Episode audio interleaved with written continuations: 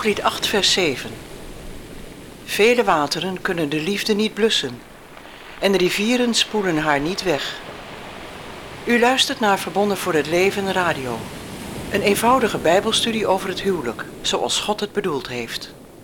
Samenstelling en presentatie Willem en Helen Lingeman.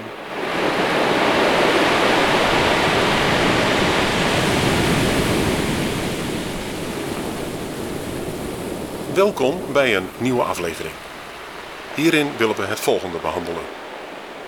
Wat zegt de Bijbel over hertrouwen na echtscheiding? We vinden in de Bijbel geen expliciete regel of aanduiding over hertrouwen na een echtscheiding.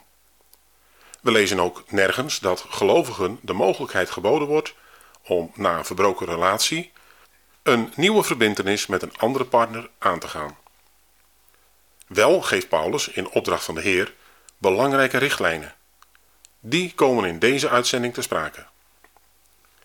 Eerst willen we enkele echtscheidings, overspel en hoererijsituaties bespreken. We denken daarbij aan drie gevallen die zich voordeden, één in het Oude en twee in het Nieuwe Testament. Koning David. Koning David had zijn oog laten vallen op Bathseba.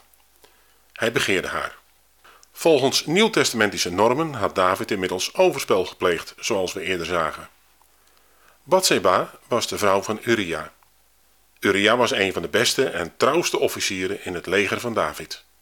David stuurde Uria naar het front met een dusdanige opdracht dat hij wel moest sterven. We lezen 2 Samuel 11, vers 15 en vers 17. En David schreef in die brief: Plaatst Uria in het heetst van de strijd. Trekt u dan van hem terug, opdat hij getroffen worden en sneuvelen. Toen de mannen der stad een uitval deden en met Joab streden, vielen er enigen van het krijgsvolk van de knechten van David.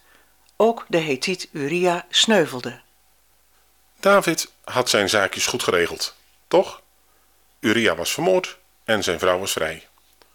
Hij kon haar nu laten halen.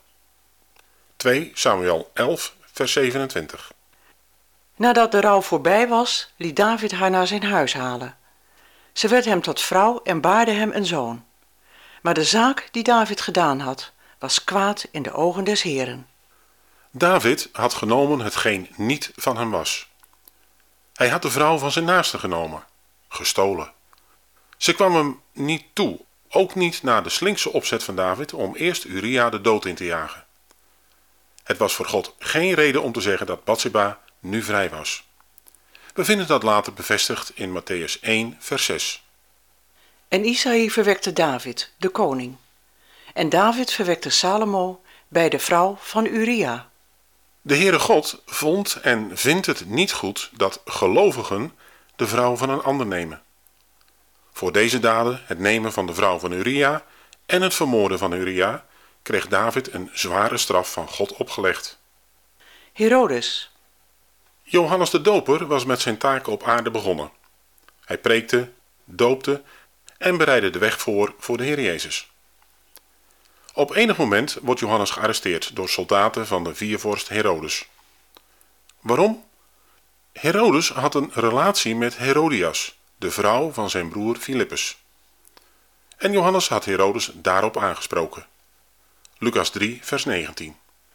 Toen echter Herodes de viervorst door hem aan de kaak werd gesteld in zaken Herodias, de vrouw van zijn broer, en in zaken alle boze dingen die Herodes had gedaan.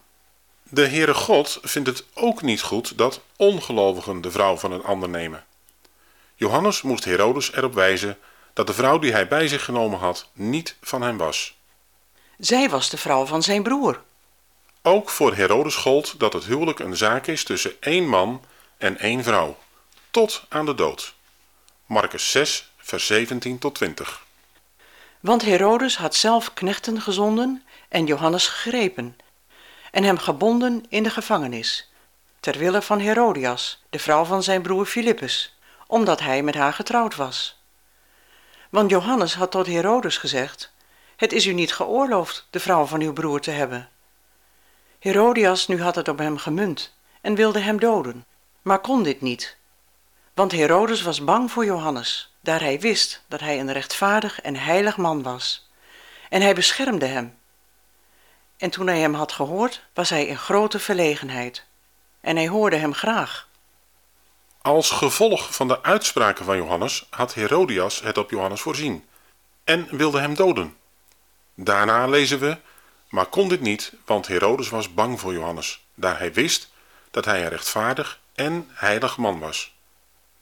Als de goddeloze Herodes al in grote verlegenheid was toen hij Johannes hoorde en dus ook heel goed wist wat hij bedoelde, hoe is het dan met ons, christenen, die de volledige openbaring van God in de schriften hebben? De fariseeën en een overspelige vrouw.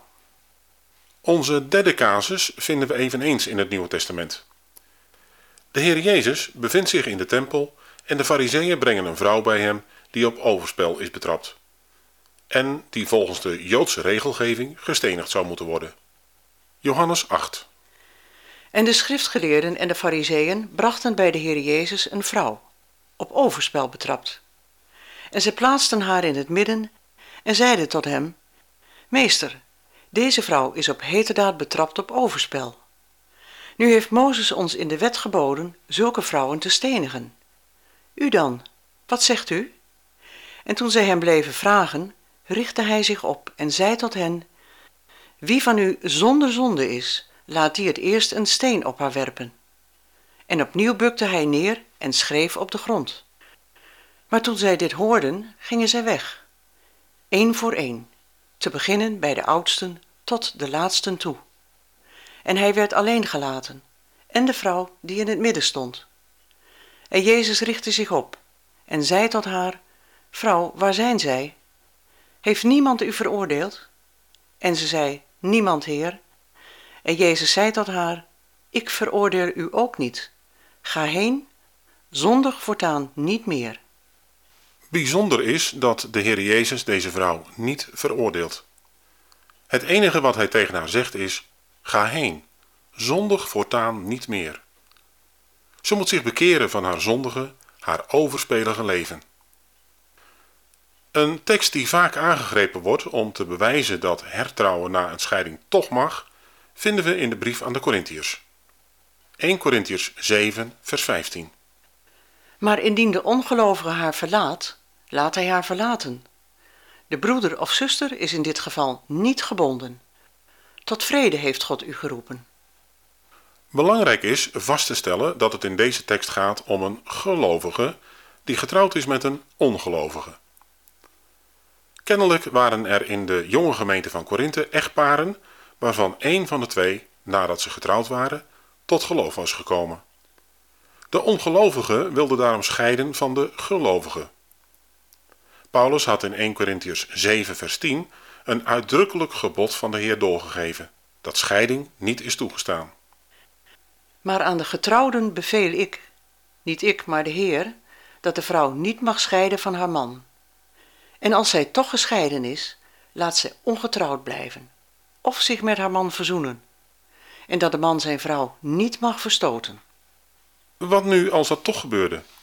Verzoenen, laat de Heer door Paulus opschrijven. En als dat niet mogelijk is, rest enkel de verregaande consequentie dat je alleen blijft. Je mag niet opnieuw trouwen, want dan pleeg je overspel. De Heer, niet Paulus, zegt in vers 15 dat als die gelovige door dwang van de ongelovige partner in een scheidingsprocedure terechtkomt, die gelovige dat moet laten gebeuren. In dat geval geldt het echtscheidingsverbod niet voor de gelovige. Hij of zij is niet gebonden, is niet dienstbaar gemaakt, zoals verschillende Bijbelvertalingen het benoemen. De grondtekst zegt: niet is tot slaaf gemaakt, of niet is in de slavenpositie. Veel Bijbeluitleggers denken dat de gelovige in dit geval vrij is om opnieuw te trouwen. Vrij betekent hier echter vrij van de huwelijkse plichten. Bovendien, in het licht van alles wat de Bijbel leert over overspel, kan het onmogelijk betekenen dat een gelovige zou mogen hertrouwen na scheiding van een ongelovige. Zou de gelovige zich verzetten tegen de echtscheiding, dan zou hij of zij in conflict komen met de opdracht dat God ons tot vrede geroepen heeft. We lazen dat in 1 Corinthians 7, vers 15. God heeft voor deze uitzonderlijke situatie als het ware een escape, een ontsnappingsclausule ingebouwd. Dat is wat vrede in de grondtekst betekent. Het Griekse woord voor vrede staat voor het aspect van rust en veiligheid ten opzichte van de omgeving, de gemeente, het koninkrijk van God en het huwelijk.